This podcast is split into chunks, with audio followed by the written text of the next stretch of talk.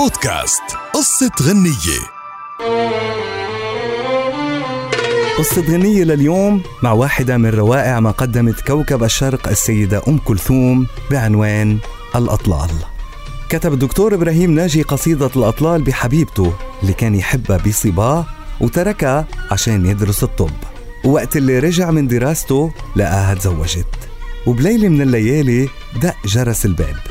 فتح الباب لقى رجل عم يطلب مساعدته لأنه زوجته بحالة ولادة صعبة. ووقت اللي ذهب إلى المكان مع الرجل وجد أنه هذه المرأة هي حبيبته. وتعددت الروايات عن سبب كتابة الأطلال وما منعرف أي من الروايات أدق. ولكن الرواية اللي عم نحكيها هي الأشهر. أما أم كلثوم فلم تغني هذه القصيدة في حياة الدكتور إبراهيم ناجي. لأنه وقت اللي عرض عليها اندلعت ثورة يوليو وأوقف هذا العمل ولكنها قامت بغنائها بعد وفاته ب 13 سنة. وغاب العود عن موسيقى هذا اللحن حيث كان رحل أيضا محمد القصبجي.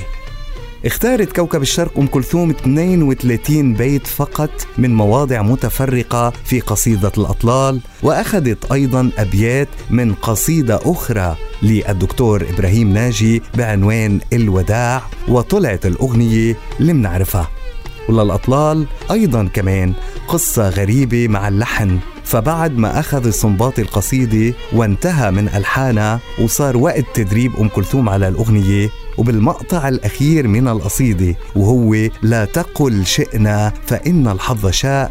طلبت أم كلثوم من الصنباطي تغيير الأفلة. في هذا المقطع من النبرة العالية أو الطبقة العالية إلى القفل الهادئة. ولكن رياض الصنباطي رفض وغادر المكان.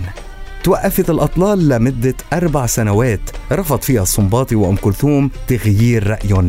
ولكن بعد تدخل بعض الأصدقاء للصلح وبالفعل وافقت أخيرا أم كلثوم على عدم تعديل الأفلة ووافق الصنباطي بعد ذلك بطبيعة الحال.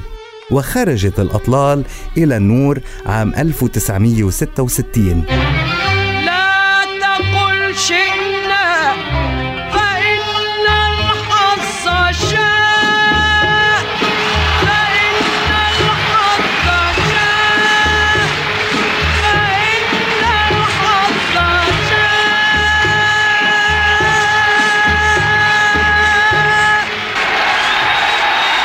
وعند غناء أم كلثوم للمقطع الأخير اللي كان سبب بالخلاف مع رياض السنباطي اشتعل المسرح بالتصفيق المدوي والمتواصل.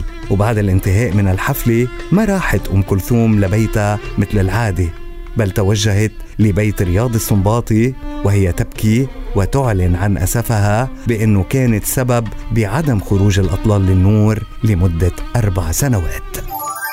بودكاست قصة غنية.